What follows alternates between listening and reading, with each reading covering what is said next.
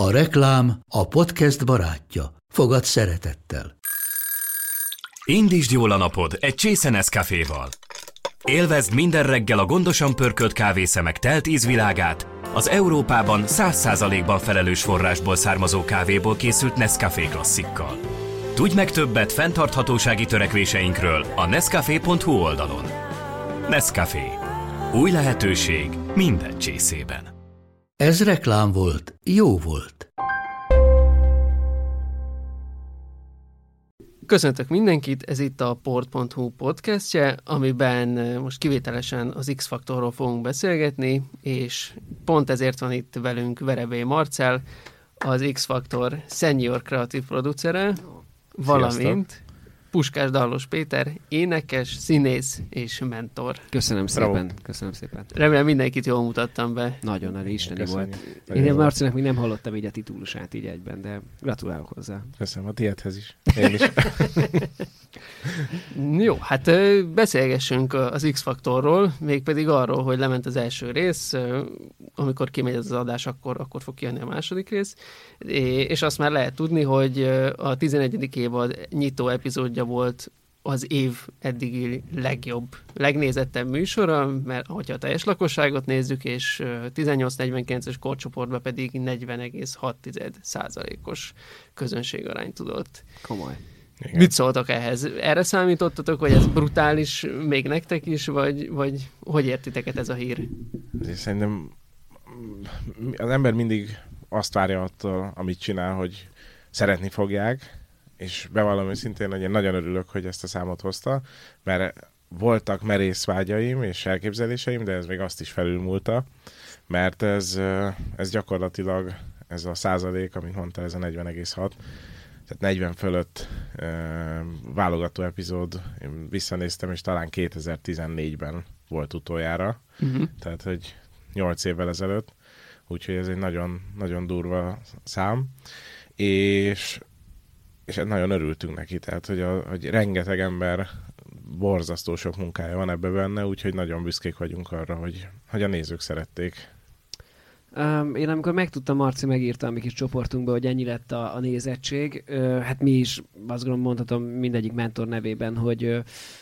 tükönül vár, várjuk, hogy mi lesz az első epizódnak a nézettsége. Már csak azért is, mert hát azért mégiscsak hatodik évada ülünk itt, és mindig egy picit úgy ülünk, hogy úristen, érdekel majd ez valakit, vagy, vagy, vagy nem vagyunk unalmasak, vagy, vagy, vagy, vagy lehet, hogy már, már kiégtünk ebből az egészből, de én azt mondtam, hogy, hogy, hogy, hogy ez egy nagyon jó évad lesz, nagyon jó évad lesz, és nagyon bízom benne, hogy a nézőktől is megkapjuk a bizalmat, és nem csak úgy a bizalmat, hanem az, hogy szerintem iszonyatosan jó volt a tizedik évadnak a döntője, hogy az egy olyan dolog, amit tényleg kitennék a falra, hogy ez a három versenyző volt ott a döntőben, a Kamilla, a Paulina és az Ali.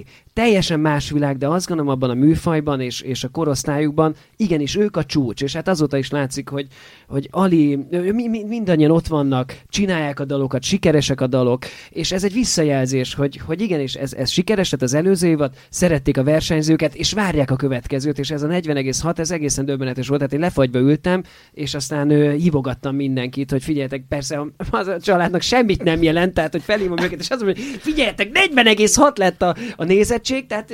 fogalmuk sincs, hogy miről beszélek. Minden esetre ez, ez szerintem egy óriási visszajelzés arra, hogy az X-faktor nem fáradt el, meg tudunk újulni, és hogy olyan, és bármennyire is kritizálják, azért mégiscsak olyan minőségi versenyzők jönnek ki a legvégén, akik miatt érdemes belefogni egy újba, és érdemes megint leülni a tévé elé. És aztán remélem, hogy nem dicsekedni jöttünk, tehát hogy nem, de még egy picit akkor az elején, ha már felosztod a számot, annyit, hogy dicsekednék, hogy ez a 40 egész, az ugye a 18-49 ö, Igen. között, de például 13 és 29 között, ahol a fiatalok vannak, Uh-huh. ott több mint 50 százalékos a, ez a néze, néz, nézettségi arány, tehát hogy az meg még brutálisabb, hogy, hogy a fiatalok is ennyire szeretik ezt a műsort. És hát bocs, Marci, hogy rákapcsolatban, hogy tényleg mindig arról beszélünk, hogy a tévét már csak az öregek nézik meg, hogy már a fiatalokat nem érdekli. Erre pont rácáfolt az X-faktor, és azt gondolom, ez egy nagyon nagy dolog, hogy 2022-ben a tévé rá tud cáfolni arra, hogy, hogy, a, hogy a, a lineáris tévézés az már csak az idősebbek nézik. Rögtön három Témát három... el is mondtunk el. Ne, igen, de rögtön három témára rá is tudnék fűzni. Kezdjük is akkor inkább azzal, hogy hogy itt főosztátok a fiatalokat, akik vagy néznek tévét, vagy nem néznek tévét, ezek szerint még e, az X-Factor egy olyan dolog, amire rá tudnak csatlakozni. Monitorozzátok-e azt, hogy, hogy a fiatalok mennyire követik az X-Faktort, vagy mennyire lesz menő trendinggel bármilyen TikTok vagy, vagy social médiás tartalom, tehát hogy van-e ilyen uta, utánkövetése, vagy, vagy, vagy bármilyen előkészület arra, hogy, hogy erre külön rágyúrtok? Abszolút. Szerintem az X-faktorral el lehet mondani azt, hogy, hogy értelmes, értelmezhető szinten követi a trendeket, viszont nagyon sok esetben pedig diktálja is azokat. Tehát, hogy most is az első adásban volt három olyan szereplő is, akik, akik több is volt, csak három olyan, aki saját dallal jött ki, és úgy időzítette a dal megjelenését, hogy egyből az adás után már kirakták a dalokat, és ebből jelen pillanatban most is két dal a YouTube trendingben van. A mai állapot szerint az egyik ráadásul a 12. helyen, ami egy nagyon előkelő hely, úgy, hogy valakinek ez az első nyilvános dala és a másik dal pedig már több mint 300 ezer megtekintésen van túl csak a YouTube-on, tehát hogy ez önmagában egy visszajelzés, és akkor persze az embernek, ha van egy kicsi ideje, akkor elolvassa a kommenteket, megnézi a lájkok számát, tehát hogy, hogy ezekből is ö, próbálunk visszajelzéseket kapni, de az az igazság, hogy, hogy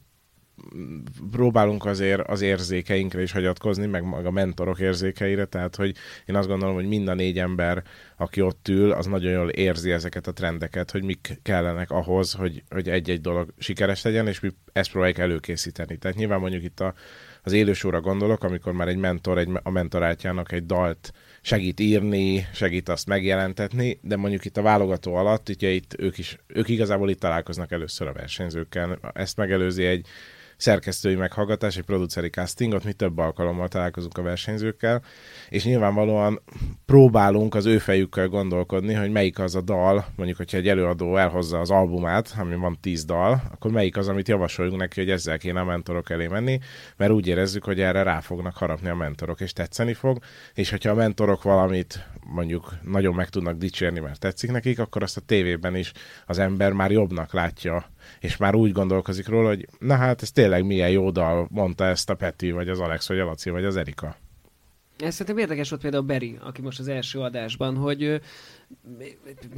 mondtuk, hogy nem akarjuk dicsérni magunkat. De, de az is egy nagyon jó visszajelzés, hogy Beri alapvetően nem énekelt jól. Ezt el is mondtuk a műsorban. Ő is elmondta, hogy sajnos rosszul sikerült, de azt én, azt, azt gondolom, hogy igen, hogy nagyon erősen éreztük azt, hogy neki van zenésége, ez egy jó dal, hogy jó szöveget írt hozzá, hogy feljön a színpadra, és ha rosszul énekel, még akkor is tud közvetíteni. És most erre a legjobb visszajelzés az, hogy lement a tévében a dal, és imádják Berit. És végül is nem, nem történt egy jó produkció, akár ki is eshetett volna simán, hogyha azt mondjuk, hogy most ma hogy énekelt, hogyha mondjuk erre, erre alapozunk mindent, hogy a mai napon akkor te nem énekelt olyan jól, mint a másik, úgyhogy te kiestél, de bíztunk benne, hogy igen, hogy viszont van egy zeneisége ennek a srácnak, van egy tehetsége, ma nem sikerült, és most Berit látom, hogy például TikTokon imádják, és imádják a dalt, és, és osztogatják, és, egy, és azt gondolom, hogy egy új, új sztár született, és, és, és, és ez egy nagyon izgalmas része az X-faktornak, amit egyébként nem lehet megunni. Tehát bármennyire is ott ülünk már a hatodik éva,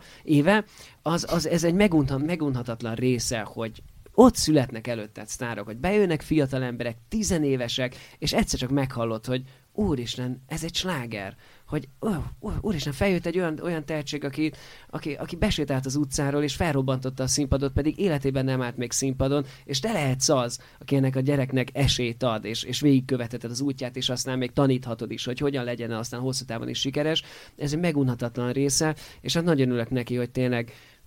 végül is most már 14. évad alatt hú, hogy, hogy, hogy ilyen sikert értünk el, és, és hogy a saját dal az gyakorlatilag tényleg hozzátartozik már az X-faktorhoz, és slágerek születnek. Múlt évben mennyi született csak az élős műsor szóval 16 dal jött ki? 16 körül. Egészen van. fantasztikus, tehát gyakorlatilag egy évad zeneízlést tud formálni, és a magyar zeneízlést tudja formálni, és, és, és, és, és, és utakat találni neki, hogy merre menjen tovább. Szerintetek feladata az X-faktornak, hogy, hogy ezeket a felfedezetteket utólag is mentorálja, vagy pedig ez egy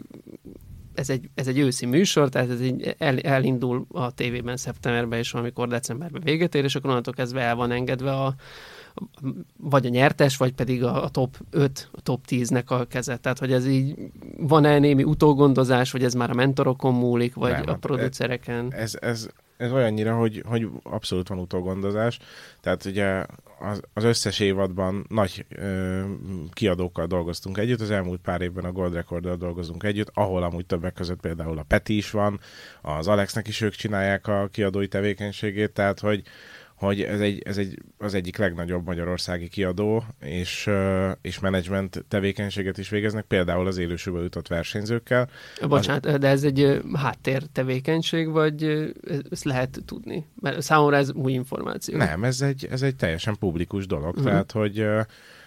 a, abszolút a, a, az elmúlt években az, ez, sőt, hát az első évadban még talán akkor a Sony volt, meg a másodikban is, aztán dolgoztunk már az összes nagy kiadóval gyakorlatilag Magyarországon, és, és, és nem, a Gold az, az abszolút partnere a, a műsor utóéletének, tehát a top 12, akik az élősóba bejutnak, uh-huh. ők mind el, velük tudnak elkezdeni dolgozni, amennyiben erre mondjuk van igényük, vagy a kiadó is ugye szeretne velük dolgozni, és az RTL pedig olyan szinten mm, megfogja a kezüket ezeknek az embereknek, hogy van külön 15 millió forint összeg, amit erre a top 12 versenyzőre tudunk elkölteni, például, hogy egy dalt, ha kell kell szerezni, meg, ö, ö, megiratni, stúdiózni, videoklipet forgatni, fotózást csinálni, koncertet, lemezt, bármit, akkor ez az összeg ez arra van fordítva, hogy ezt, ö, ezt a top 12-be bejutott versenyzőkre tudjuk elkölteni. És ez szerencsére az elmúlt években annyira annyira termékenyek az előadók, akár egy Manuel, akár az Ali, akár a Paulina, hogy, hogy, hogy ez az összeg, ez azt gondolom, hogy a legjobb helyre megy, mert tudunk segíteni ezeknek az előadóknak, hogy még jobban a műsor után is támogassuk őket. Tehát akkor ez abszolút a műsor utáni tevékenységükre van félretéve ez a 15 millió Igen. forint. Aha. Ez szerintem egy nagyon hasznos dolog, mert ha én visszagondolok a Megasznára, amúgy ez nem így volt. Tehát azt gondolom, hogy ez egy nagyon fontos újítás egyébként, és egy fontos ö, kitekintés arra, hogy globálisan gondolkodjunk az X-faktorról, hogy tényleg ne csak arra az őszi szezonra figyeljünk ezekre a gyerekekre, hanem utána is nyilván mi mentorok vállalhatunk olyat, hogy oké, okay, menedzselünk valakit, vagy írunk dalokat. Előzenekar lesz. Vagy... Előzenekar lesz, mm. tehát ez is egy fontos része tud lenni, de azért én azt gondolom, ezért nem, isztifik, nem isztifikáljuk túl ezt az egész kérdéskört, mert azért az iskolában is. Te jársz az iskolába, leérettségizel, és aztán nem fog az iskola utána gyárni, és aztán minden a felhívni, hogy figyelj, mire van szükséged, stb. stb. Igen. Tehát végül is bízunk benne, hogy azért a mentor kvalitásaink segítették a, a gyerekeket abban, hogy megtanuljuk azt, hogy mi kell ahhoz, hogy te hosszú távon fennmaradjál. Egyébként nem nagy titok az, hogy nagyon keményen dolgozzál, és igenis dalokat hozzál ki, hogy kezedbe vedd a sorsodat, és csináld. És amikor azt mondják, hogy hú, hát ezek a gyerekek ki vannak használva, aztán el vannak dobva, nem, hát ez egy kiválasztási folyamat, ez egy szelekció, amit látunk a tévében, és van olyan dolog, amit meg nem látunk, hogy mi folyik a kulisszák mögött. Hogy bizony vannak olyanok, akik lehet, hogy nagyon tehetségesek, nagyon énekelnek, és egy, egy, és egy és egy jó háttérrel, egy jó mentorálással bizony minden szombaton lehet csillogni és, és jól teljesíteni, de amúgy meg azért a mentor nem tud kipotolni bizonyos dolgokat, a szorgalmat, az alázatot, és az, hogy valaki elhivatott a dologban. Tehát nekem is sajnos van természetesen olyan, aki, aki miatt nagyon vérzik a szívem, mert azt gondolom, hogy egy elképesztő, fantasztikus tehetség volt, csak sajnos nem használta ki, hanem úgy volt vele, hogy de jó, bent voltam az X-faktorban, akkor én most már sztár vagyok, hátra dőlök, és nem csak semmit, és már csak fel kell vennem a telefont. Nem, az működik, vagy a, a, mint például a Manuel, aki egyszerűen tényleg én azt gondolom, a Manuel egyébként a legjobb versenyző az elmúlt 11 évben, de Larta látszik, hogy működik Működik a manuál? Működik. Miért működik? Mert az a srác írja a szövegeket, csinálja a klippeket, és megy, most már az élő zenekara van, és tudja, hogy mi kell ahhoz, hogy együl a kettőre jusson és fejlődjön, és ne csak egy énekes legyen az X-faktorban helytált, hanem egy működő produkció legyen, akár a legmenőbb fesztiváloknak a színpadán is. Igen, és a Manuelt én azért is emelném ki külön, mert ő ugye pont a, a 2019-es évadban volt, tehát gyakorlatilag totál középen beleesett a Covid korszakba, a karanténba, mindenben, uh-huh. hogy mhm. semmi koncert, semmi fellépés, és ennek ellenére is ő azt csinálta, hogy folytatta, dalokat csinált, videoklipeket adott ki, tehát hogy nem, nem fásult ebbe bele, hogy most lehetett volna 50-80-100 koncertem is idén, helyett csak 10 van összesen, hanem, hanem fogta magát és dolgozott. És ez látszik most, ez ami most van, ez a siker, ez ennek az eredménye. Szó volt itt még a, arról, hogy kicsit azért bele lehet fásulni, meg lehet unni az X-faktor, pláne, hogyha hat évet, vagy hogyha több éve csinálja az embert. Ezt, bocs, ezt ki mondta? Peti nem, azt gondoljuk, hogy bele, bele, Ja, hogy- beleunnak, bele, hogy Az emberek. Bele, az emberek beleunnak el. Hogy ez, ez fontos, tehát hogy szerintem Peti azt ar- arra utalt, hogy esetlegesen tartott olyantól, hogy már lesznek nézők, akik nem nézik meg a műsort, mert, mert már azt mondták, hogy sok láttam volt, már. Igen, mert láttam. De a számok pedig épp az ellenkezőjét Igen. igazolják. Szóval Na- mi nem untunk bele. Mi Nem, nem. minden évben ugyanazzal a lelkesedéssel és őrülettel ülünk le a mentorszékünkbe. Jó, tehát akkor igen, a kérdésem minden esetre úgy hangzik, hogy, ö, hogy az, hogy ez már a 11. évad, és látva a számokat valószínűleg lesz 12. is,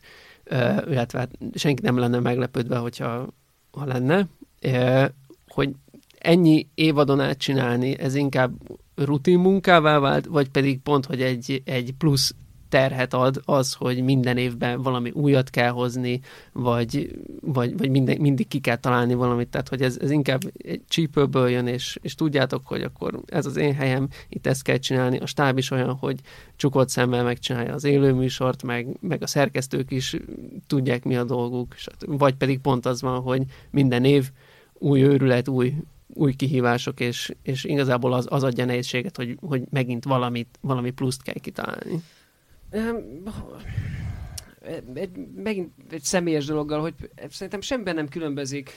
egyébként bármilyen munkától, amit mi csinálunk. Másrészt meg, hogyha a zenére reflektálok, hogy végülis egy zenekarnál is, hogy, hogy amikor elkezdődik, eljönnek az első sikerek, akkor úgy ösztönből viszi magával az embert. Akkor mész, ez az, ülsz a buszban, felmész koncert, ezért tök mindegy hányan vannak. Az X-Faktor is, amikor beültünk, hát ilyen volt, hogy ott ültünk, és hát még soha nem láttunk ilyet, hogy ott ülünk, és csak így jönnek az ingerek, és megtörténnek a dolgok. De hát végülis ettől leszel, azt gondolom, hogy felnőtt ember, ettől leszel profi a saját szakmádban, hogy alapvetően hiába láttál már min- mindent, te meg akarsz újulni, te akarsz egy frissességet, te szereted csinálni, és, és szerencsésnek érzed magad, hogy ezt csinálhatod. És ez az, ami végül is és hogyha csak arra gondolok, hogy hogyan végződött a múlt évi X-Faktor döntő, mi történt? Oké, gratulálunk, szuper, megnyerted! Na figyeljetek, arra gondoltam, hogy szerintem volt az a rész, ami nagyon izgalmas volt, viszont valamit azt érzem, hogy kéne változtatnunk azon a részén. Mert, mert ez a stáb, amit Marci is emleget, egy fantasztikus és nagy stáb, aki nagyon összeszokott, igen, valószínűleg tényleg, ha felébreszik az álmából, meg tudja csinálni az X-Faktor élő adást, tehát egyszerűen mindent be tud állítani, és minden úgy lesz, ami hogy mennie kell.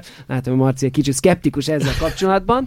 de, de, de, de szeretjük csinálni, örülünk a sikerének, és ezáltal felelősséget is vállalunk érte, hogy bármennyire is már láttuk, csináltuk, megtörtént ez, megtörténtek nagy e, katartikus pillanatok, mi keressük azt, hogy hogyan tudjuk még, hogy megismételni, vagy, vagy újdonságokat kitalálni, mert, mert ez, a, mi- ez a mi családunk, végülis mondhatom, furcsa ezt mondani, de hát végülis ez a mi foglalkozásunk, hiszen most már 7 éve vagyunk, Mhm. vagy hatodik évada, hogy végig szinte mondhatom, ez egy foglalkozás, hogy mentor vagy, és egy tévéműsorban végülis te vagy az, aki megadja az irányt, hogy merre menjen az X-faktor, és hogy milyen zenét szeretnék hallani, milyen előadókat akarok látni a magyar zenében. Ez, ez, ez sokkal túlmutat gyakorlatilag a műsoron, úgyhogy szerintem ez az, ami, amiben jók vagyunk mi, hárman fiúk, és mindig akik csatlakoznak hozzánk, hogy igenis, srácok, ebben az évben is meg akarjuk csinálni az, a legjobb műsort az évben, és a legjobb srácokat akarjuk aztán kiengedni az X-faktorból. Igen, tehát, hogy, hogy a Peti is mondta, nem, nem szkeptikus voltam ezzel kapcsolatban, hanem az a helyzet, hogy mikor megkérdezik, hogy mi, mit csinálok én például, akkor én mindig azt szoktam mondani többek között, hogy, hogy figyelek arra, hogy minden úgy menjen, ahogy mennie kell, és ez alá abszolút beletartozik az is, hogyha például én azt érezném bármelyik mentoron egyik évről a másikra, hogy ő mondjuk már kicsit meguntal, nem azzal a lelkesedéssel csinálja, akkor biztos, hogy ezt szóvá kéne tennem neki. Például a, a három fiúval még szerencsére ilyen soha nem fordult elő, mondjuk más mentorral sem, mert mentornak lennie azt gondolom, hogy ez egy olyan kiváltságos vagy fura helyzet lehet, ami nagyon kevés embernek és zenésznek adatik meg az életében, ezért nagyon meg tudja becsülni azt, és tök mindegy, hogy egy évet ül ott, vagy, vagy hat éve ül ott, mert,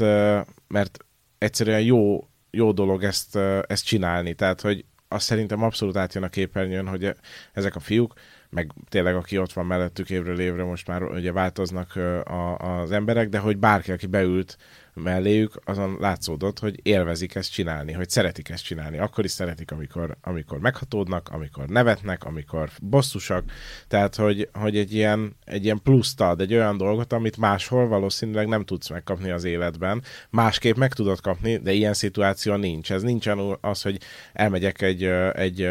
foci meccsre, és akkor utána megnézek egy másik foci meccset. Tehát, hogy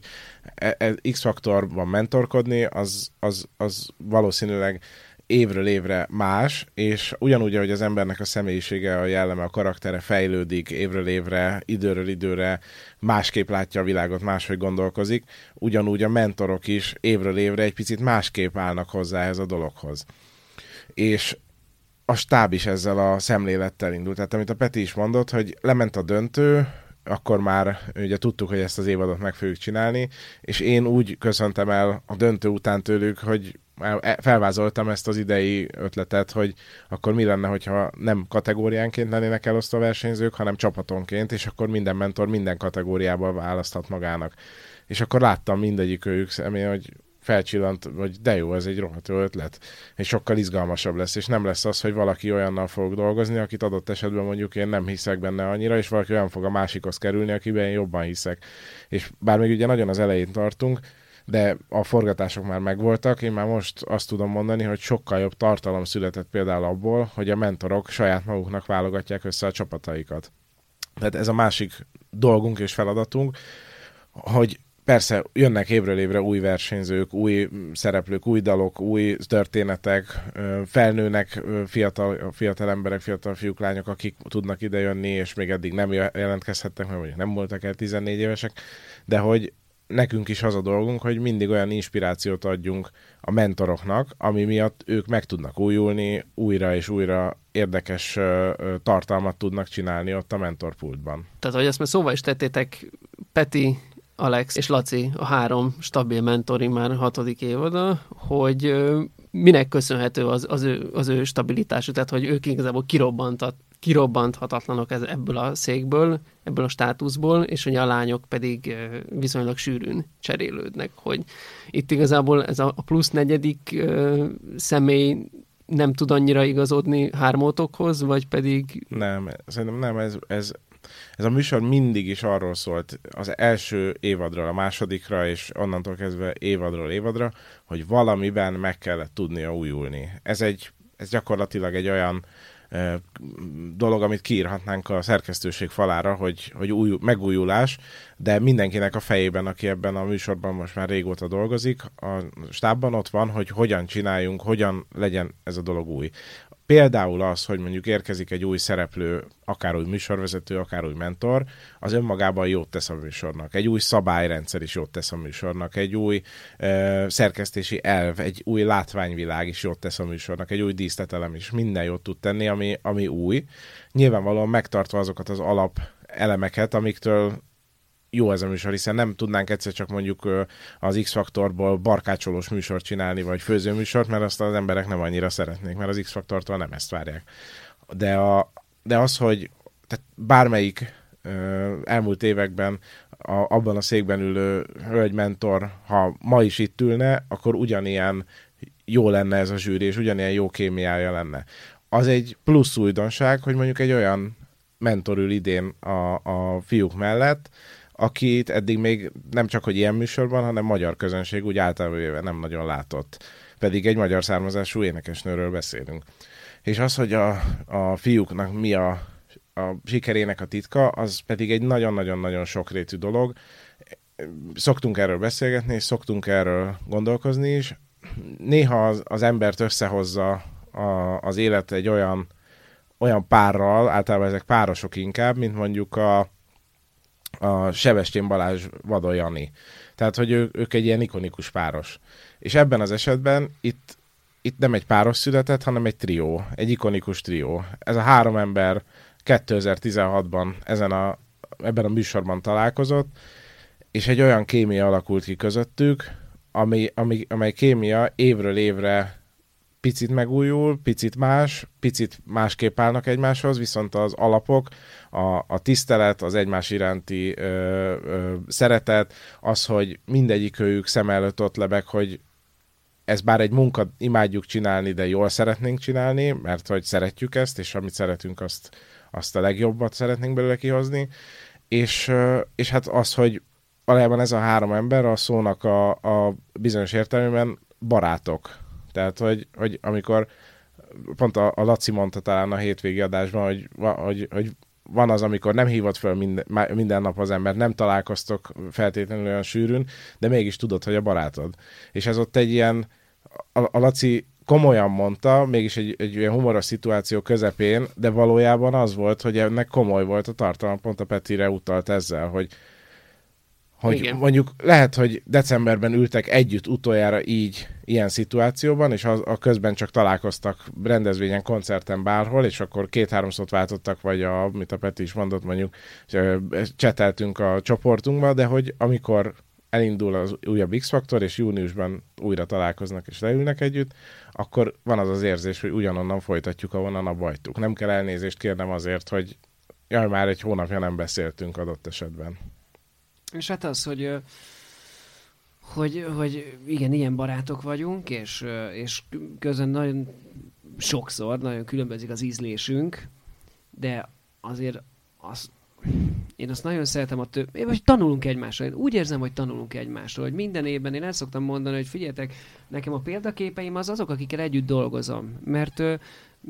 mert inspirálnak engem, hogy lehet, hogy tök más zenét hallgat a Laci, mint én, hogy az Alex teljesen máshogy gondolkodik,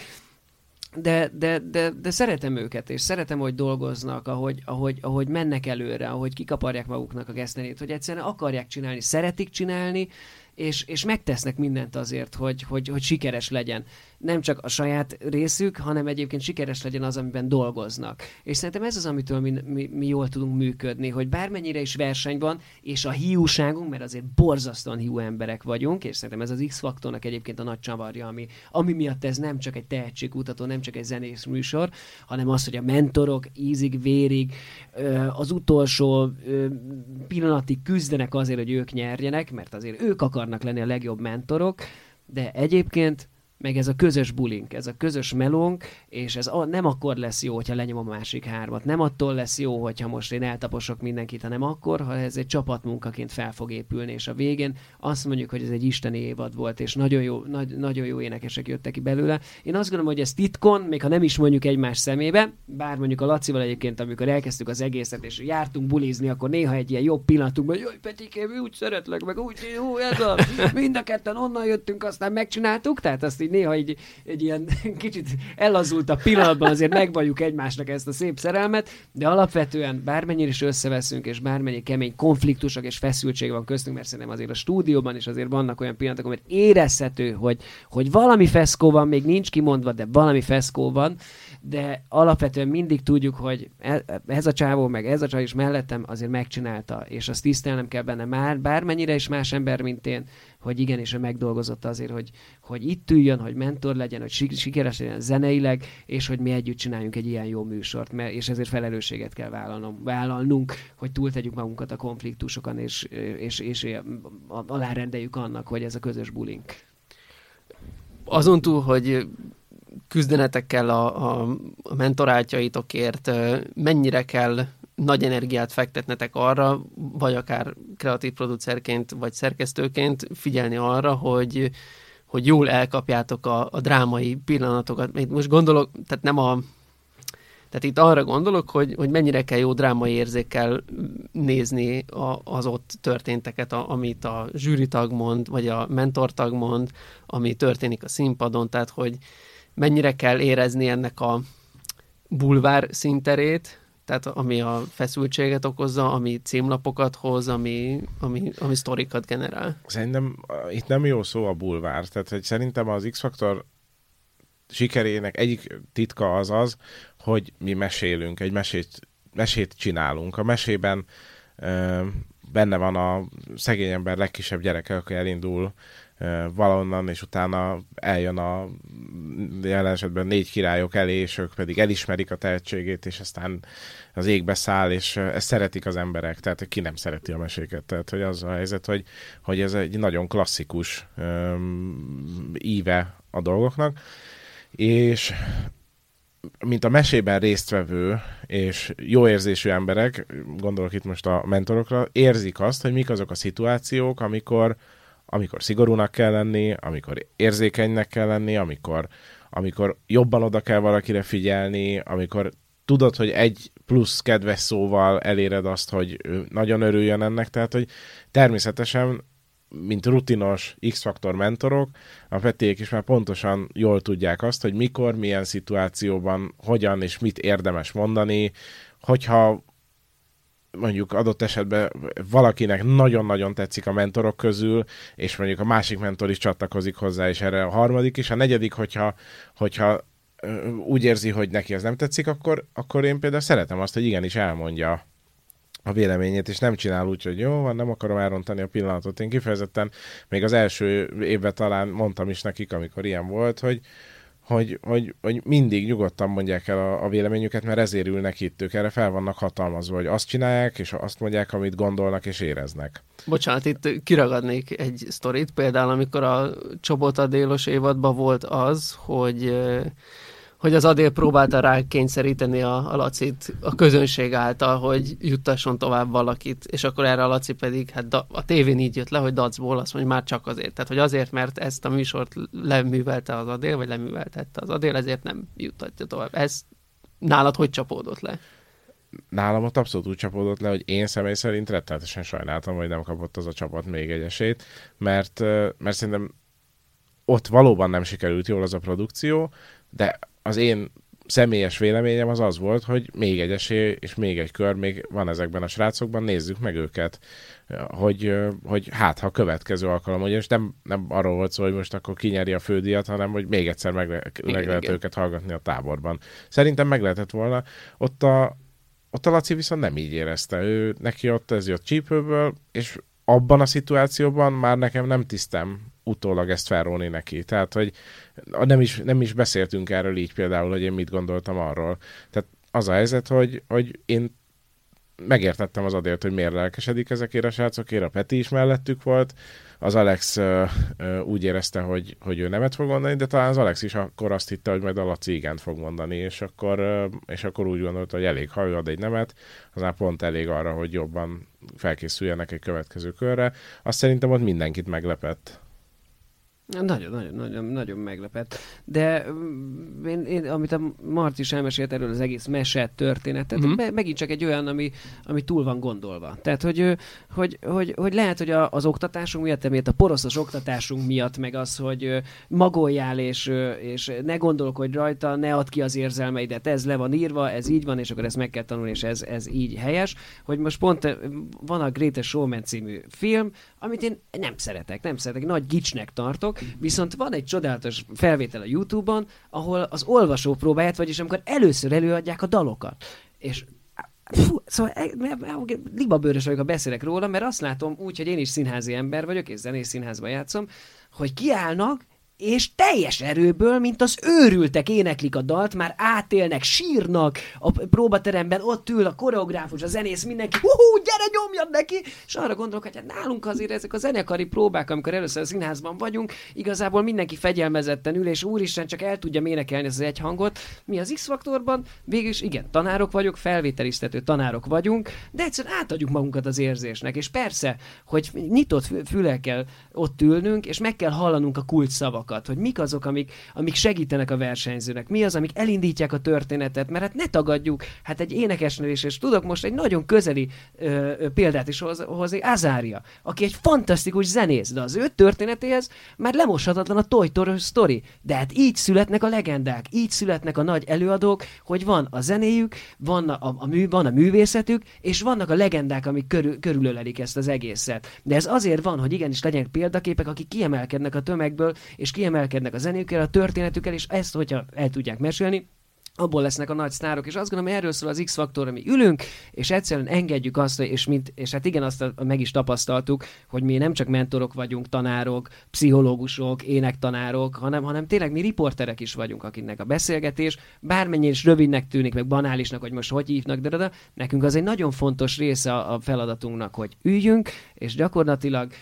meghallgassuk ezeket az embereket, meghallgassuk a történetüket, és megérezzük azt, hogy ők miért jöttek el énekelni, hogy miért vannak most itt, és mi, mit akarnak elmesélni magukból, mert egyszerűen az olyan katarzis, katarzis tud okozni, amikor valaki, és ez nem történik meg a tehetség nélkül, tehát ha Beri most bejött volna, elmeséli ezt az árvaházas történetet, hogy ő ezért jött, de aztán tényleg borzasztó előad egy halálosan ciki dalt, és ő hallgathatatlanul énekel, akkor sajnos hát azon, hogy hát bocs, ennyi, ennyi volt, sajnáljuk, sok sikert kívánunk, és mm. reméljük, hogy minden rendben az életedben, de ez a kettő szerencsére ne, összeért, és az van, hogy Beriről egyébként kiderült, hogy amúgy egy borzasztóan zenéleg tehetséges ember, akiben bízunk, hogy aztán az ének hangja is, aztán azzal a, a, a, a, azzal a készséggel, és nem értek szorgalmával, aztán fejlődni fog. Mert ezt kell nekünk meglátni, hogy igen, hát még nem nem egy, egy, egy, egy gyémánt, hanem egy olyan drága kő, amit nekünk el kell kezdeni csiszolni, de meg kell látnunk, amit más nem lát meg benne. Uh-huh. Mert hát az egyértelműt azt mindenki látja, akkor minek ülünk ott. Hát ez a lényeg, hogy nem akkor kell meglátni a, si- a tehetséget, amikor az már sikeres, hanem akkor kell meglátni, amikor még sikertelen, és csak se, és be kell indítani. De hát ugye, igen, hogy a legenda részről már beszéltünk, de az, ami, az, ami nagyjából a színpadon lezajlik, és azt ugye vagy észreveszitek, vagy nem, jó esetben észreveszitek. Ja, de hogy a, a show másik része pedig az, ami a, a mentorpultban zajlik. Tehát, hogy én igazából erre is kérdeznék rá, hogy, hogy az ott zajló dolgokra mennyire, mennyire kell nyitott füllel figyelnetek, tehát, illetve hogy mennyire, tehát, hogy mennyire tudod te azt, hogy, hogy amit most a, a Laci mond, arra én úgy válaszolok inkább, mert hogy abból egy viccesebb geg lehet, abból, abból lehet valami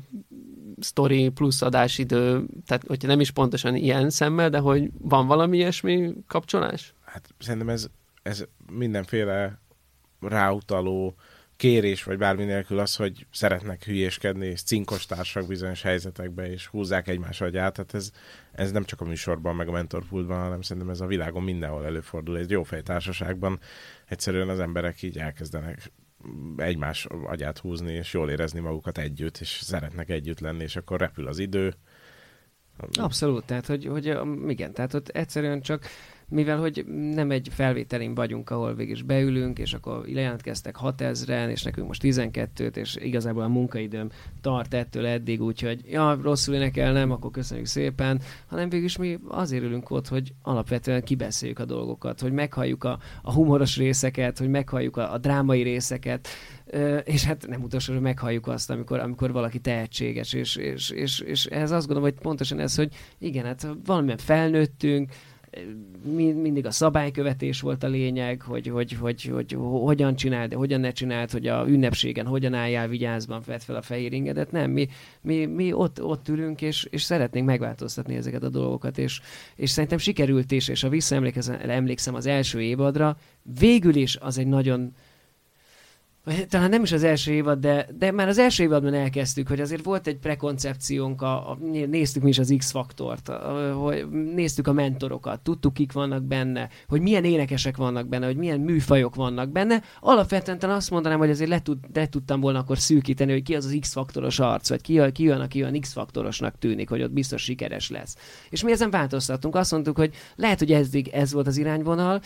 de most mi ülünk itt, mi vagyunk azok, akik, akik, akik, akiket kiválasztottak, és, és a mi ízlésünkre van szükség, vagy nem szükség, hanem kíváncsiak, hogy mi mit gondolunk a zenéről, hogy mi egy, alap, egy fiatalabb korosztály vagyunk, hogy mi az, amit ez a fiatalabb korosztály tud, megtanult, és akkor lehet, amikor mindig jöttek a Pici bácsi, volt persze Pici bácsi így, aki egy fantasztikus zenész, csodálatos zenész, de nem biztos, hogy a TikTokról sokat tudna mesélni a versenyzőknek, hogy egyébként a TikTokot hogy használt fel, hogy te sikeres legyél. Tehát ezek változnak a dolgok, változik a technika körülöttünk, és az, hogy hogyan kell a felszínen maradni. És ez volt szerintem egy, egy egy, és amit amiben a, egyébként az egész stáb, és legfőképpen Marci lelkesített minket, hogy ne féljünk kimondani, hogy mit gondolunk az egészről. Lehet, hogy tudjuk már előre, hogy ezért most ö,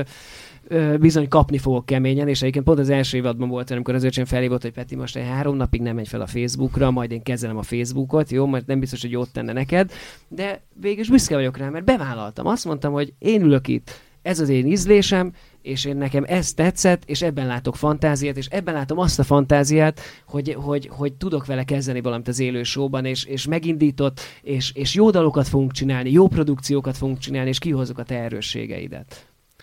Ha már említetted Pici bácsit, meg itt akkor egy kicsit rákanyarodnék arra, hogy, hogy ugye régen talán egy kicsit, mintha ilyen túl,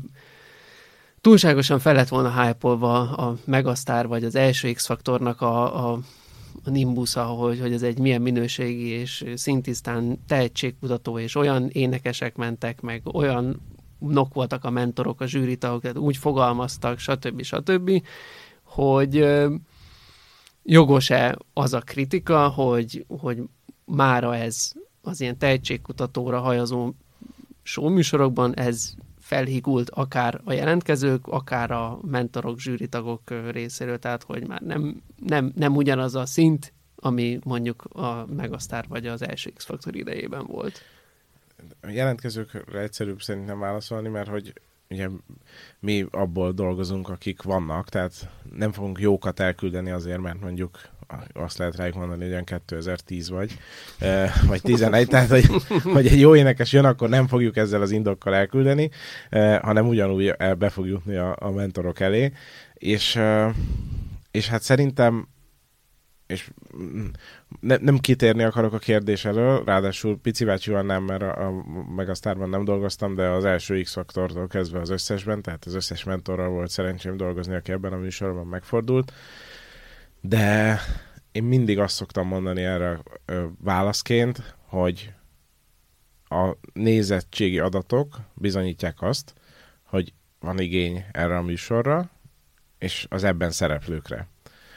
2010-ben ugyanez a mondás igaz volt, csak arra a csapatra, akik akkor szerepeltek. Ez az egyik része, a másik része pedig az, hogy szerintem ezek az évadok egymásra épülnek. Tehát ez a műsor nem vagyok benne biztos, hogyha 2010-ben a mai mentor csapattal indul, akkor ugyanilyen sikeres, mint ahogy fordítva sem, hogy nem vagyok benne biztos, hogy 2022-ben a 2010-es mentor csapat lenne ugyanilyen sikeres. Ki lehetne próbálni, egy izgalmas uh, kísérlet lenne, de az mondjuk tudnunk kéne idő utazni, mert visszafele már nem fogjuk tudni kipróbálni, de az az igazság, hogy, hogy ettől függetlenül tényleg őszintén azt gondolom, hogy az egyik évad sikere az az alapja a következő évad sikerének. Tehát mindig így kell erre tekinteni, és most már ez a, ez a ház, ez a 11. emeletét építjük éppen rá, és attól ilyen stabil, mert az alatt lévő 10 emelet az, az azokkal az emberekkel készült el, akik az adott évadban szerepeltek. Nem, nem tudom, Peti, mit gondol erre? Ez, hogy pontosan, hogy egyrészt azt elfelejtik, akik ezzel kritizálják, hogy igazából nem minket kritizálnak, hanem a magyar zenei kultúrát kritizálják, mert mi abból főzünk, ami van. Tehát ezek a fiatalok végül is a magyar iskolákból kerülnek ki, a magyar zenepedagógiából, vagy egyáltalán a magyar kultúrából, és mi abból próbálunk csinálni valamit. Tehát, hogy olyan tehetségek jönnek, akik, akik egyébként élnek ebben az országban, Na, és inputokat kapnak. Na jó, de le, itt viszont lehet azt mondani, hogy nyilván az adásban nem, nem nem lehet bemutatni minden egyes jelentkezőt. Tehát, hogy úgy van megválogatva, vagy úgy van megvágva az anyag, hogy ugye ez, ez lesz a végeredmény. Hát igen, de hát végül is a olimpiára se jut ki mindegyik versenyző, aki mondjuk profi sportoló, hanem a legjobb 12 jut ki. Tehát végül is csak azokat mutatjuk meg, mert ők a legjobbak. De visszatérve arra, hogy a másik dolog pedig, hogy igen, ez egy evolúció, hogy a Megasztár is a maga korában szerintem hát egy fantasztikus dolog volt, hogy a 90-es évek énekes apátiája után, hogyha arra gondolok, hogy érted, hogy playback, tehát hogy voltak énekesnők, akik nagyon jól néztek ki, de egyébként a, nem tudom ki volt, akik playbackelt helyettük, de lehet, hogy pont ismerjük. Tehát gyakorlatilag a 90-es években, amikor volt egy ilyen, végülis nem hiába ö, éljük ezt a trash vonalat, hogy elmegyünk bulikba, és akkor most végre nem ciki a 90-es évek dalaira ö, táncolni, tehát azután a Megasztár dolog, a Megasztár egy nagy dolog volt, hogy egyszer csak kiderült, hogy ebben az országban amúgy vannak jó énekesek. De ha mostani füllel visszahallgatok, és egyébként nem tudom melyik tévécsatorna ismétli, valószínűleg nem a mi ö, családunknál van ez a csatorna, de, de hogyha megnézem, akkor egy kicsit azért ugye, hát mondom, ó, hát a mostani versenyzőkhöz képest, tehát mondjuk a Ferenci Kamillához képest, hát azért eléggé le van maradva a garnitúra, hozzátartozok én is. Tehát, hogy én meghallgatom magam, hát pusztító, hogy énekelek, de még mondhatnék egy pár pályatársamat, akik most már csodálatosan énekelnek, de akkor nem énekeltek, de abban a pillanatban ez egy előrelépés volt. És aztán jött az X-faktor, ami rátette egy lapáttal, tehát hogyha megint csak visszagondolok arra a Megasztárban, ami, és pont tegnap találkoztam a, a régi főszerkesztővel, és beszélgettünk arról, hogy hát igen, abban nem nagyon hittek, mert hogy Magyarországon ilyen műsor, és hogy emlékszem, hogy a, a, a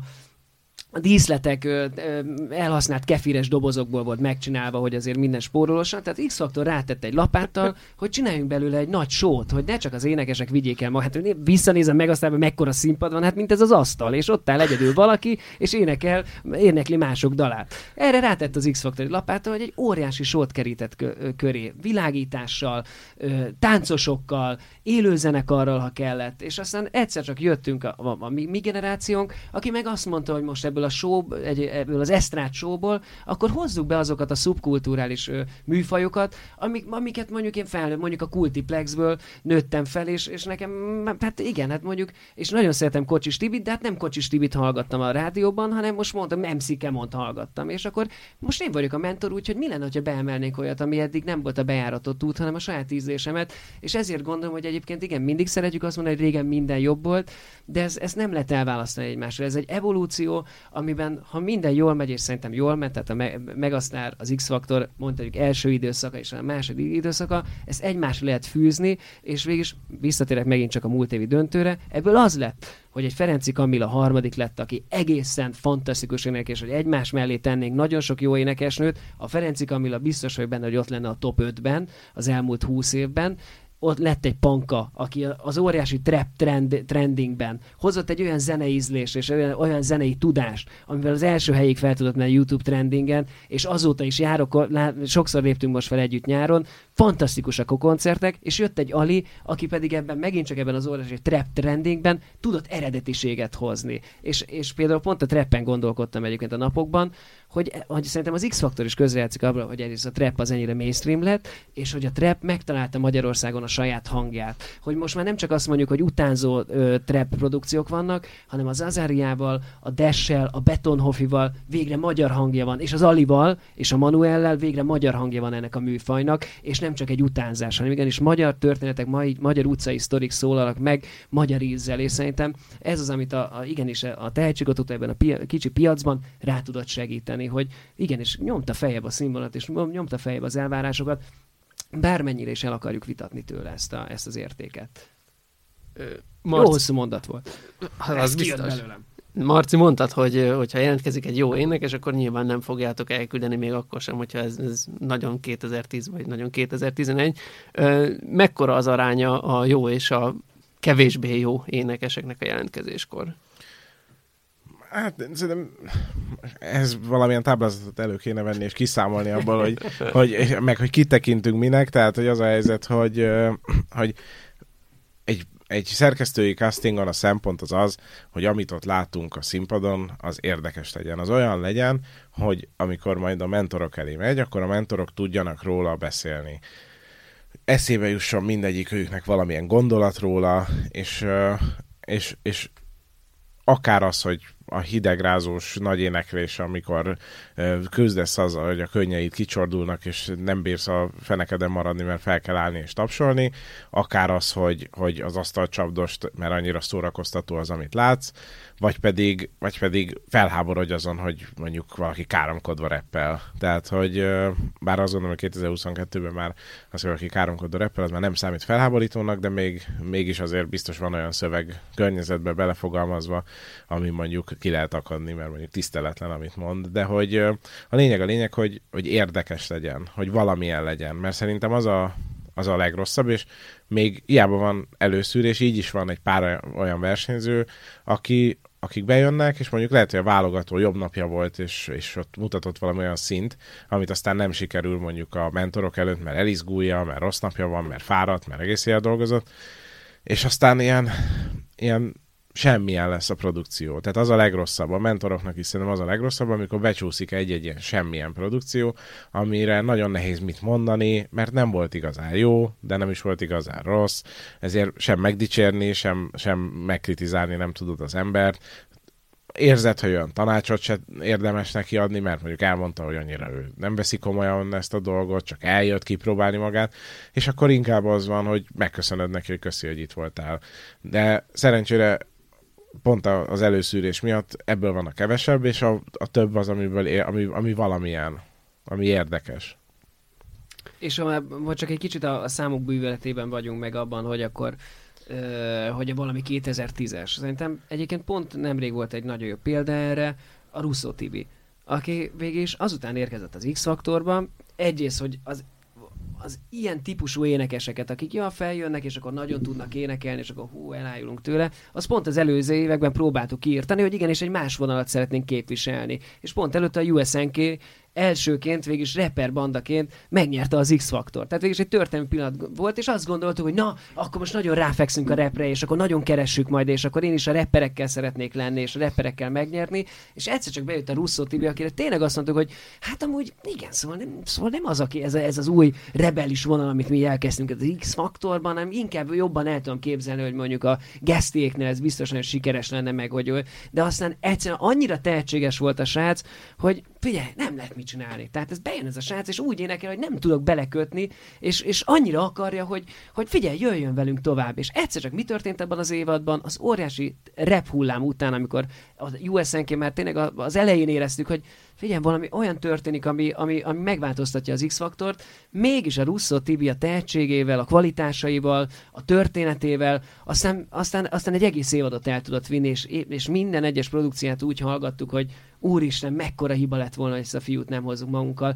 és most micsoda csodálatos sztori és tehetség bontakozik ki előttünk. Úgyhogy azt gondolom, hogy igen, hogy, a tehet, hogy gondolkodhatunk előre, lehetnek, lehetnek aztán így elképzeléseink, de aztán a tehetségek határozzák meg aztán az évadot. Az, hogy, hogy kik jönnek, és kik azok, akik megfognak minket. Vagy a humorukkal, ha csak visszagondolok a második évadra, amikor itt ültem, és jött a troll csapat, amit így emlegetünk, de hát azt emlegetjük, és emlegetjük, és én jó szívvel emlegettem őket, hogy jött a Hegedűs Péter, imádni való forma volt, egy tanár, egy, ö, aki bejött és reppel, és egyébként, ja, hát visszahozott egy ilyen klasszikus reppet a 90-es évekből ezeket a amerikai reppes ilyen, ilyen pop slágereket, de azt jól csinálta. Jött a Lívia, aki operát énekelt. Jött a Bertodani, aki bejött és egy, egy, egy, egy seprűn gitározott és rock játszott. És egyszerűen azt gondoltam, hogy hát figyeljetek, nekem ők a, leg, a kategória, ők a legérdekesebbek, ők a legizgalmasabbak és a leg, legtehetségesebbek. Lehet, hogy nem a bejáratott formák, de én bennük hiszek, és azt gondolom, hogy igen, velük fogjuk megcsinálni a legjobbat, és végig azóta is emlékszünk rájuk, és, és jó szívvel tesszük mindezt. Marci, neked egy előválogatón, vagy egy válogatón hány hány embert kell végig nézned, végig hallgatni, és ahhoz képest mennyi jut el a, azokhoz, tehát mennyi jut el a, a felvételre, amit már a Petiéknek kell megnézniük? Hát ez egy elég összetett válogatási folyamat, mert ugye zajlik egy része a, az RTL székházban, ott mondjuk több mint ezer produkció fordul meg, ugye ebben nem csak egyéni előadók vannak, hanem, hanem zenekarok is. E, aztán van a vidéki meghallgatás, ahonnan nem feltétlenül jut tovább mindenki ebbe a körbe, az még pár ezer embert jelent. Vannak a, a, a videó és egyéb módon megérkezett ö, anyagok, amikor valaki mondjuk küld magáról egy videót, és van az online casting, tehát hogy hogy egy ilyen több, több ezer, de megkockáztatom, hogy, hogy, hogy tízezer fölött van az a, azoknak a produkcióknak a száma, akikkel valamilyen úton, módon egy évadban találkozunk, és, és hát persze ebből szűrünk a, a, egy, egy, egy pár száz fős mennyiséget, ami a mentorok elé megy, és ugye több nap alatt forgatunk, és gyakorlatilag olyankor kora reggeltől késő estig folyamatosan zajlik a meghallgatás, két, két beiktatott szünetük van, tehát egy egyebéd szünet és egy, egy, egy kisebb szünet még délután, de amúgy reggeltől késő éjszakáig forgatunk. Tehát, hogy ez egy nagyon komplex és összetett dolog. És és hát szerencsére évek óta öm, van ez a rendszer, mondjuk az online casting az egy újdonság, mert az a, az a Covid óta van, hogy klasszikus értelemben véve hallgatunk meg embereket, van erre egy technológia, már nem csak az, hogy küldj magadra egy videót, hanem ott élőben live van tudunk velük meghallgatást csinálni. Nyilván ennek nem százszázalékos hangminősége, de például annál sokkal jobb mint hogyha mondjuk egy rossz minőségű telefonnal fel, vennéd fel. Tehát arra jó, hogy mondjuk azt el tud dönteni, hogy egy személyes meghallgatásra eljöjjön-e az adott illető. Hát meggondolom, az is biztonság, tehát vagy az, az is titeket véd ebből a szempontból, hogy élőben látjátok az embert, nem pedig akárkinek a felvételét beküldi valaki. Az meg a másik, de azért azt hallani, hogyha valaki mondjuk megdolgozta a saját hangját egy kicsit utómunká, hogy van rajta egy kis vízhang, egy kis autotyún, tehát hogy akkor szoktunk szólni, hogy ez most nem, a, nem, nem kiadásra szánt, hanem nekünk azt kell hallani, amit, amit élőben tudsz, és akkor elküldi anélkül, tehát hogy persze, tehát, hogy de, de alapvetően igen, tehát hogy már egy ilyen face-to-face dolog még online is sokkal hasznosabb, mint csak egy videó, amit ki tudja tényleg mikor és hogy vettek fel. És a válogatás során mennyire illetve nyilván nagyon, akkor hogy hogyan figyeltek arra, hogy, hogy megfelelő egyensúlyban legyen a az, az énekes és a, a nem énekes produkció. Úgy, úgy értem a nem énekes produkciót, hogy aki azért kerül adásba, mert vicces lehet, vagy azért kerülhet adásba, mert, mert más miatt szórakoztató, mert aranyos, hogy, hogy ezt hogyan adagoljátok, vagy hogyan szanáljátok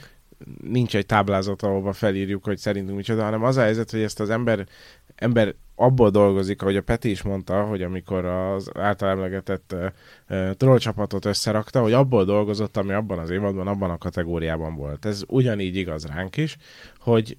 hogy azokat a versenyzőket juttatjuk le, akik, akiket valamiért érdekesnek tartunk. És az X-faktorban ugye mindig is az volt a, a kommunikáció kifelé is, tehát ez egy, ez, ezt mindenki tudja, hogy az X-faktor nem a legjobb hangot, nem a legjobb énekest keresi. Az X-faktor ez egy olyan plusz egy előadóban, amit amit ezért hívnak X-faktornak, mert nem tudsz definiálni. Tehát nagyon sokféleképpen jelenhet meg az a plusz dolog, ez az X-faktor egy-egy előadóban, ezért, ezért nem is lehet azt mondani valakire, hogy énekes, nem énekes, mert valakiben az az X-faktor, hogy olyan kristálytisztán ki énekli a magas szét, hogy leviszi a hajad, és, és amúgy mondtam is folyamatosan libabőrös vagy annyira tetszik, és valakiben pedig az a, az, az X-faktor, hogy olyan sót csinál a színpadon, és ez, ez nem újdonság, tehát az első évad óta, sőt, még a régi megasztárok óta az, hogy bejön egy szórakoztató előadó, tehát hogy nem az ének hangjával bűvöl el. Most nekem a kedvenc példám az első évadból, mert nagyon-nagyon szerettem, az egyik kedvencem volt a Király Norbi, aki nem azzal nyugaszt el a mentorokat, hogy úgy énekelt, mint mondjuk a Takács Nikolász, aki meg a hangjával nyűgözt el elsősorban, hanem, hanem azzal, hogy olyan színpadi jelenlétet sót hozott egy, egy Joe Cocker dallal, hogy mindenki letette a haját, és, és nevettek, sírtak, nevetésüktől sírtak, tehát minden volt, minden érzelmi skálát meg tudott mozgatni, és szerintem ez azért nagyon fontos, mert mert ha mindenki csak szórakoztató lenne, mindenki csak jó énekes lenne, mindenki csak sztorit hozna magával, akkor nagyon unalmas lenne ez a műsor. Tehát, hogy gondolj bele, hogy a, hogy a harmadik Whitney Houston tökéletesen éneklő ember után már egy negyediket nem fogsz olyan szívesen hallgatni. Akkor már vágysz egy picit másra. Akkor azt mondod, hogy jó, jó, nagyon jó, nagyon jó, de szeretnék most már hallani egy személyes történetet. Jó lenne, jönne egy rapper, aki elmesélni az életét, vagy, vagy de jó lenne, most egy picit jönne valami, valami izgi, valami szórakoztató, amit, ami, ami, ami így megmosolyogtat. Tehát, hogy ez, ez, ez, a, ez a fontos igazából, egy szerkesztői válogatáson arra figyelünk, hogy minél színesebb legyen az a mezőny, az adott évad mezőnye. Tehát, hogy, hogy ilyenkor, ilyenkor ez a dolgunk, hogy, hogy mindenkinek adjunk lehetőséget, és ne csak jó énekeseket keressünk. De hogy például, amikor megy a felvétel, a, akkor azért gondolom van ebben, bőven van tudatosság, hogy x darab jó hangú énekes után azért a, a, a mentorok is tudjanak egy kicsit lazítani és nevetni, mert a közönség se fáradjon el. Igen, csak közben nincsen előre kitalálva az, hogy most ő a jó énekes, vagy ő a, a, a, a, a akinek a történet érdekes. Persze, tehát, hogy, hogy inkább arra kell figyelni, hogy tényleg három lassú dal után ne jöjjön egy negyedik lassú dal, vagy három rep után ne jöjjön egy negyedik rapper. Tehát, hogy szerkesztési elvekben inkább ezek vannak, és ezek annyira egyszerű elvek, hogy ezek maguktól kiadják utána azt, hogy persze, valaki hozta a Bruno Mars-tól a When I Was Your Man, akkor utána jöjjön egy rapper, akkor utána viszont figyeljünk, mert akkor e, most ne jöjjön még egy rapper, hanem most akkor inkább jöjjön valaki, aki a, a nem tudom, a Walmart az Úristent énekli, mert arra a közönség is meg tud mozdulni, és buli lesz a stúdióban, tehát hogy ezek a szerkesztési elvek, onnantól, hogy már mi kiválogattuk ezeket az embereket. Tehát, hogy és a mentoroknak is ez a jó, mert majd, ha minden jól alakul, akkor a lassú dalon meghatódnak, vagy tudnak valami jót mondani, a repnél figyelni kell a szövegre, és tudnak arra is valamit mondani azon túl, mert most a Bruno Mars szövegét nem fogod kritizálni, hiszen ezt egyszer már csodálatosan megírta, de egy rappernél például nagyon fontos a mondani való, hogy, azt, hogy nem csak az, hogy hogy adja elő, hanem hogy mit mond. Tehát egy rappernek ebből a szempontból nagyon fontos, hogy jó szöveget hozzon. És utána, amikor meg jön valaki, aki meg majd, aki meg majd bulit csinál, akkor arra is, arra is oda kell figyelni, hogy ne az legyen, hogy énekli a jár legjobb slágerét, és ott áll egy helybe, és meg sem mozdul, és nézi a földet, hanem akkor gyerünk, gyerünk, ott van több száz ember a stúdióban, csináljunk meg a hangulatot. Erre már ti ö, trenírozzátok a jelentkezőt, vagy... Ö... Nem, inkább azt mondom, hogy akiben ez benne van, azzal lehet erről beszélni, magától is tudja ezt, tehát hogy nyilvánvalóan amikor jön egy, egy gátlásos, introvertált előadó, akkor, és mondjuk elhozza magával az Úristen,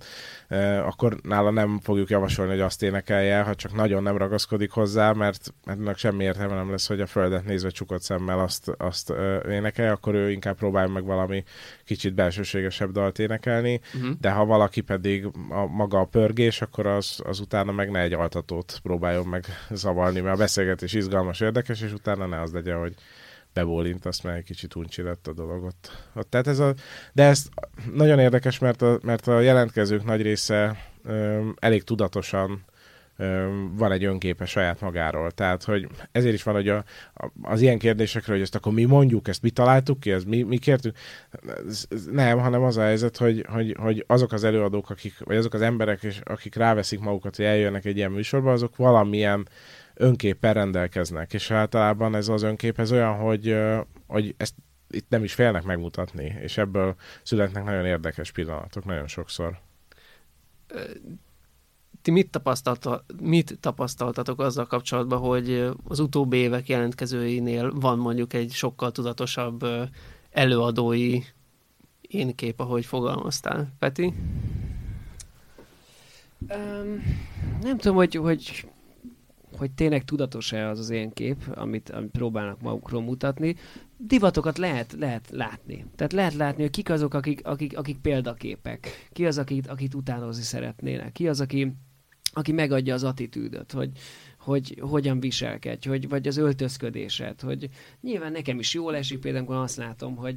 hogy igen, hasonló inges fiúk jönnek fel a színpadra, és akkor azt gondolom, hogy de jó, hogy akkor valószínűleg az ő életében azért szerepet játszom, és, és, és hatással vagyok az ő ízlésére. És Alexnél is meg lehetne, hogy a dalokkal, és, és rengeteg dolgot ö, ö, lehet mondani, de hát egyébként az önkép, igen, ami, az, az nem hiába beszélgetünk erről, mert például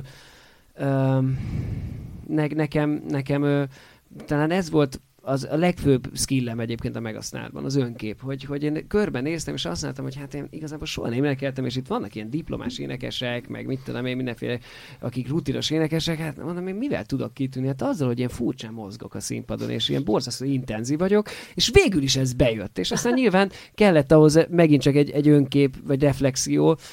egy saját is, meg a családomtól, hogy figyelj Peti, de azért meg is kéne tanulni énekelni. Tehát azért nem baj, hogyha nem megy el a hangot 10 perc után, hanem, hanem végig tudsz tolni egy koncertet. És aztán ezen dolgoztam, de hogy, hogy, hogy a mostani fiatalok ebben tudatosabbak, talán az eszközhasználatban tudatosak, akik igazán sikeresek akarnak lenni, azok viszont igenis nézik a, a, a social media felületeket, nézik a trendinget, nézik, hogy mi, mi sikeres, hogy, hogy mit kell csinálni, hogyan kell csinálni, hogyan kezeljem, és szerintem hosszú igenis hozzá tartozik a mai sikerhez, hogy, hogy,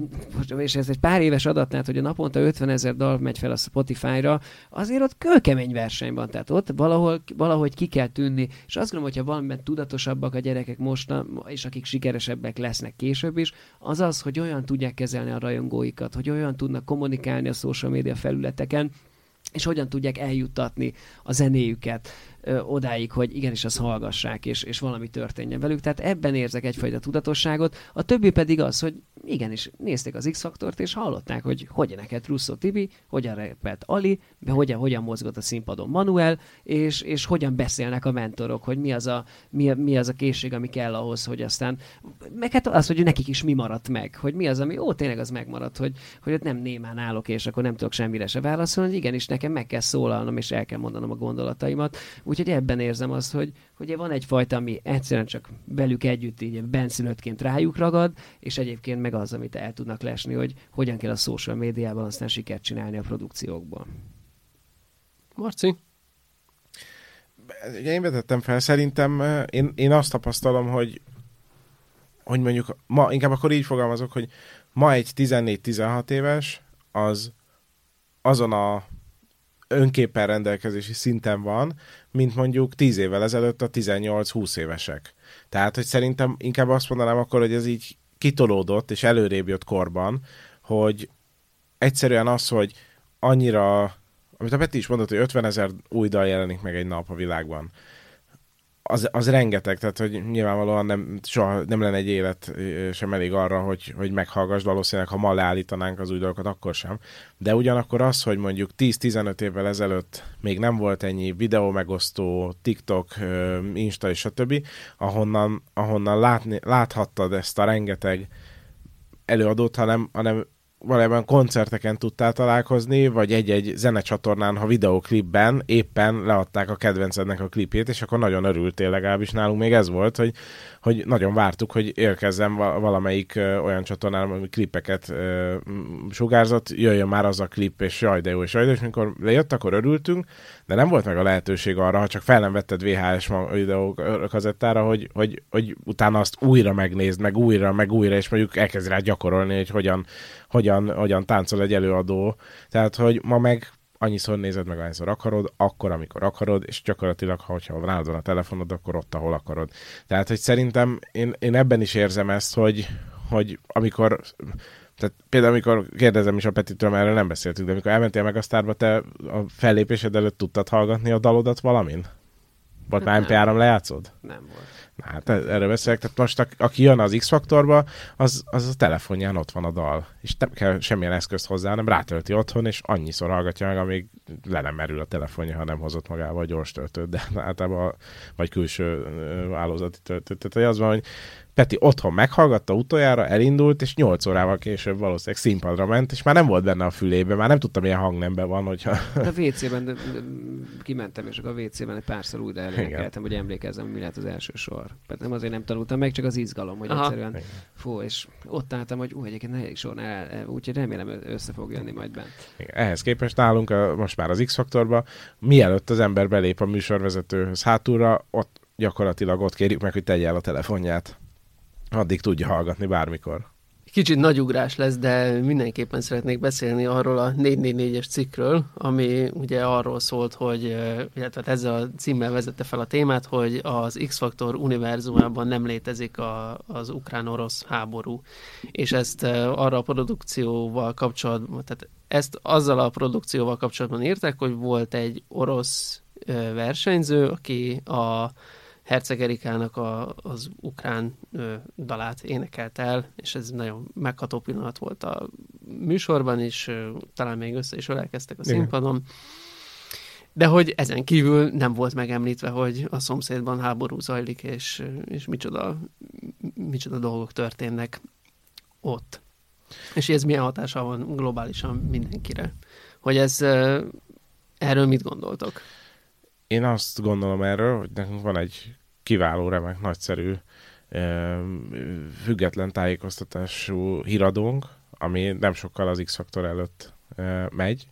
és annak a dolga igazából, hogy ezekről a dolgokról hírt adjon. Egy szombatesti showműsornak, ami, ami egy szórakoztató showműsor, annak, ha ne, nem jön ez magától, mert nem az történt, hogy itt borzasztó nagy jelenetek voltak, és, az Erika és a Katerina ott hosszasan beszélgettek erről a helyzetről, hanem ez nem is jött szóba, közöttük sem, magától nem, nem, nem, nem jött ez, akkor, akkor nekünk nem kell erre külön ráerősíteni, mert azt gondolom, hogy éppen elég sok problémája van az embereknek, és nem vagyok benne biztos, hogy az X-faktorban is erről és az egyéb problémáról, problémákról szeretnének hallani és látni, hanem ennek a műsornak egy picit az is a célja, hogy, hogy ki tud kapcsolódni, és ezeket a dolgokat így arra másfél-két órára le tud tenni, tudjál egy jót szórakozni, ahol ö, meg tudsz hatódni, tudsz basszankodni adott esetben, izgulni, szeretni, vagy ellenérezni valakivel, Úgyhogy, vagy egy jót nevetni, tehát, hogy ennek a műsornak ez a dolga, és én azt gondolom, hogy ezt a dolgát, ezt maradéktalanul teljesíti is, és, és hogyha valakinek igénye van arra, arra, hogy még több információt szeretne a világban zajló helyzetről kapni, akkor, akkor tényleg mondom a híradót, vagy az rtl.hu hírportált tudnám jó szívvel ajánlani, mert ott rengeteg olyan, olyan információt, cikket, videót talál, amiben teljes mértékig ki fogja elégíteni az igényeit erre vonatkozóan a csatorna és a vállalat. Egyrészt minden szóval egyetértek a Marcinak. Uh, nyilván értem, hogy miért hozták ezt fel, hogy, hogy egy, egy ilyen nagy volumenű műsor, ami, ami, ami igenis hatással van, mint beszéltünk a zenei ízlésre, de hatással van a gondolkodásra is, hogy hogyan gondolkodunk egymásról, hogyan viszonyulunk egymáshoz. De én is azt gondolom, hogy ezek mind meg is történtek a műsorban az elmúlt hat évben. Igenis, nagyon sokszor reflektáltunk közéleti dolgokra, csak gesztusokban, gondolatokban, érzésekben és nyitottságban. És, és azt viszont én is felróhatom a világnak, hogy azt gondolom, hogy nagyon számunkérő társadalomban élünk. Én is rengetegszer kapok egyébként, hogy, hogy amikor vegán vagyok, akkor miért nem törődök ezzel, ezzel, ezzel és ezzel és ezzel. És én válaszolok, hogy srácok, tehát, hogy alapvetően egy, egy, egy, egy, egy egyszerű entitás vagyok személy, nem pedig a, a jóisten, aki mindenkivel tud törődni. Tehát nekem van egy lelkületem, egy misszióm, amit én vállaltam, legyen az a természet és állatvédelem, és én abban szeretnék fontos szerepet vállalni, de ezt a természet és állatvédelmet ettől függetlenül nem akarom belepréselni, tehát nem fogom megállítani mondjuk a József és a Színes Szélsánsz Álomkabát című előadást, hogy én elmondjam, hogy mit gondolok a természet és állatvédelemről, mert az emberek nem erre váltottak jegyet, hanem arra, hogy ezt a csodálatos előadást én nagyon jól elénekeljem, és kiszakadjanak a hétköznapokból. És ezért gondolom azt, hogy, hogy igenis, igenis reflektálni kell, nyitottnak kell lenni, de meg kell találni a helyét annak, amikor, amikor ezt megtehetjük, és nem csak propagandából tesszük meg, legyen szó bármilyen oldalról, amikor nem csak protestálni akarunk, és most nagyon megmondani valamit, hanem az emberségből történik, és hát szerintem egyébként, ha belegondolunk, végülis micsoda pillanat történt, hogy dúl, dúl egy háború a világban, Európában, amikor kitiltanak nemzetiségeket egymás országából, amikor borzasztó bonyolult dolog történik, és, és nagyon nehéz feldolgozni, és egyszerű emberként nagyon nehéz helytállnunk benne, hogy most mi a helyes, mi az igazság, nyilván az emberség az igazság, de hát az emberség végül is megtörtént az X-faktorban, hogy ott egy magyar származású lány, aki, aki Ukrajnában nőtt föl, és most itt van Magyarországon, a mentora az X-faktor a legnépszerűbb műsorban, bejött egy, egy orosz származású lány, magyarul beszélt, megtanult, és ott csillogott a szeme, hogy Herceg Erikával találkozhat, énekelhet, miközben papíron itt háború dúl, és, és emberek lövik le egymást, de nem, ők azért mégiscsak ezen túltették magukat, és az emberség végig azért felülkerekedett ezen az egészen, hogy attól függetlenül mi most a tehetséget keressük, és megtaláltuk benned a tehetséget, és, és, és Herceg Erika azt mondta, hogy ez neki egy nagyon megható pillanat, és köszöni, hogy ezt megélhette. És szerintem nem kell annál szebb leírása annak, hogy mi történik a világban, hogy egy kárpátaljai születésű magyar lány, akinek a családja amúgy még most is Kárpátalján van, az felmegy a színpadra, és a keblére öleli az orosz származású, amúgy Magyarországon élő versenyzőt, és nem jut eszükbe az, hogy most háború van, hanem úgy viselkednek, ahogy valószínűleg mindenkinek kéne, hogy nem azt nézik, hogy ki honnan jön, hanem valamilyen olyan érdekmentes dolog történik ott, hogy ez a lány mutatott egy gesztust, elhozta az Erikának a dalát, az Erikának ezt tetszett, és oda ment, és megölelte, és megköszönte neki, és megdicsérte. Tehát, hogy valószínűleg ez az, ami,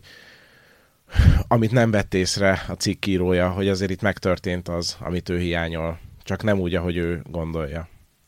És azért is gondolom azt, hogy a cikkírója nem volt elég alapos, mert úgy állítja be mint hogyha mi a háborús helyzet miatt kértük volna fel az Erikát ide mentornak, de az a helyzet, hogy azért Erika is elmondta, és szerintem én is nyilatkoztam több helyen, hogy Erikával 2017 óta vagyunk kapcsolatban, csak a, a karrierje és a távolság miatt sosem tudott eljönni abban az időszakban, amikor mi például jury castingokat tartottunk, de évről évre tartottuk a kapcsolatot, és ez az év volt az, amúgy többek között amiatt is, hogy Magyarországra kényszerült költözni, hogy, hogy összejött ez a dolog. De nem, a, nem amiatt választottuk őt ki, mert ő most éppen kárpátaljai születésű magyar lány, hanem azért, mert azt gondoljuk róla, hogy nagyon jó mentor lesz, és ezt szerintem az első adás is bizonyítja, de mi nem most találtuk meg őt, hanem már évekkel ezelőtt. És ezt meg tudom erősíteni, meg emlékszem, amikor a Gigit uh, végül is kiválasztottuk. Ki, ki, kiválasztottuk. Emlékszem, hogy akkor is téma volt már a Herceg Erika, és, és mutatni nekem Marci, hogy van egy ötletük, hogy a Herceg Erika is nézzem meg, és hogy, hogy mit gondolok róla. Igen, Úgyhogy ez tényleg így nagyon érdekes, hogy, hogy végig is úgy hozta a sors, hogy akkor mégis évekkel később itt ül mellettünk. A, a cikk alatti kommentek is uh, ilyen két táborra oszlottak, hogy volt, aki egyetértett a, a, a cikk tartalmával, és volt, aki szintén azt hozta fel, hogy, hogy ez egy szombatesti showműsor, miért is kéne egyáltalán ezzel foglalkoznia. Nekem a személyes véleményem inkább az utóbbi táborába, táborával ért egyet, és szerintem nagyon belemagyarázós lett volna ezt a sztorit tehát egy, hogy ezt a sztorit megragad, tehát hogy kiragadni, és még ezt is ráhúzni, és akkor az egy ilyen nagyon művi dolog lett volna. De az látszik, hogy van ez a, ez a, ez a fajta értés, hogy most akkor ez egy, ez egy nagyszomású showműsor, elér ugye a 18-49-es korosztályban 40,6 százaléknyi, tehát hogy óriási tömegeket mozgat meg, ezáltal mm, valami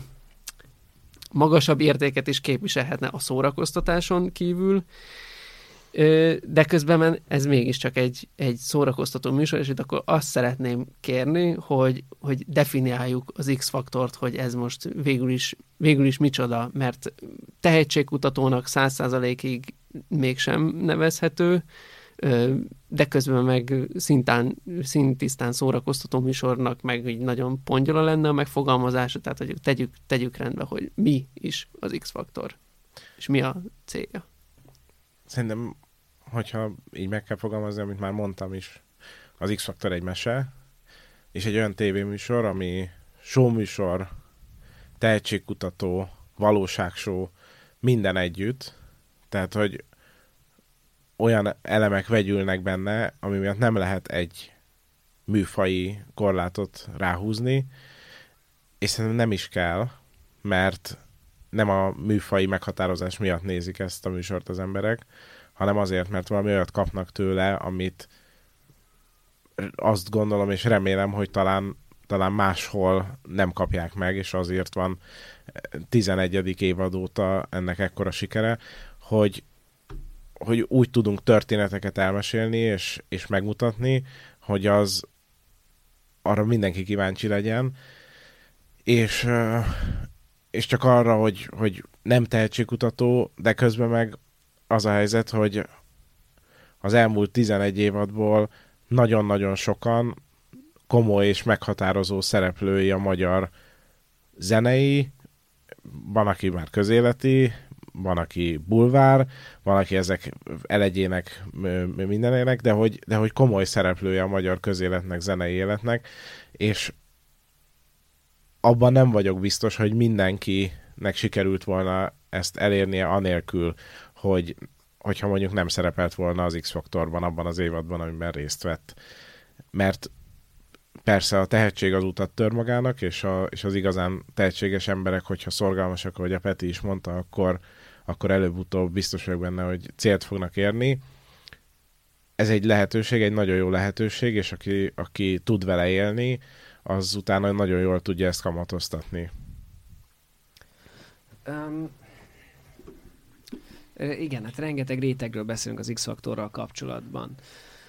De én, én, onnan ragadnám meg, hogy szerintem a, talán az utolsó műsor, ami összehozza a családot, és ez nagyon idealisztikusan hangzik, meg nagyon-nagyon romantikusan, de melyik az a műsor még, amikor már nem tényleg nem a lineáris tévézésről beszélünk, hanem tényleg nagyon rétegződik a tévézésről kezdve a zenén keresztül, a színházon keresztül, az egész művészetünk gyakorlatilag nagyon apró darabokra hullott, ami nem baj, csak hogy nagyon kevés a közös témánk igazából egy dolog maradt, az X-faktor, ami leülteti a fiatalokat, az időseket, a, fe, a, a felnőtteket, a fiatal szülőket, és sorolhatnám a, ezeket a rétegeket, sőt, hát most küldtek nekem egy videót, hát figyelj, most is arra belegondolok, egy kettő éves gyerekről, aki elküldte az anyukája, hogy most nézték meg az X-faktort, és amikor én felnevetek benne, akkor a kisfia is elkezd nevetni. És annyira élvezi, hogy én nevetek benne. És csak erre gondolok, hogy végig ez maradt egy olyan műsor, mert nekem mondjuk az X-fakták volt ilyen az, az apukámmal, amikor még jó, hát mit csinálunk este, hát pont hétfő este van, úgyhogy megy az X-fakták, apukám is szeret, én is szeret, és akkor megdumáljuk majd.